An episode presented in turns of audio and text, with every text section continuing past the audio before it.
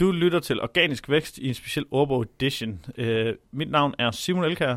Og jeg er Jesper Nørskov Jensen. I dag der skal vi kigge på udtryk HTTPS, som lidt står i kontrast til HTTP, som er det gammeldags.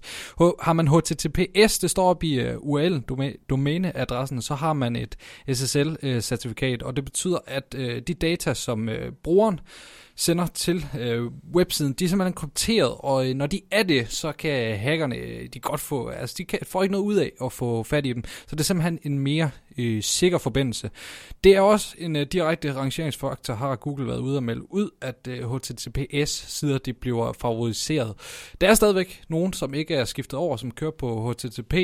Øh, Google har gjort lidt forskelligt for at skubbe øh, på med den her udvikling. Øh, blandt andet så, øh, jamen os der har HTTPS, vi får øh, noget grønt op i øh, domæne, øh, adressen op i URL-linjen, øh, adresselinjen, øh, mens øh, de andre, det er rødt, tror jeg nok nogle gange. Ja, og Chrome går faktisk ind og siger advarsel, hvis Ja, der kommer en formular form, når der ikke er HTTPS på.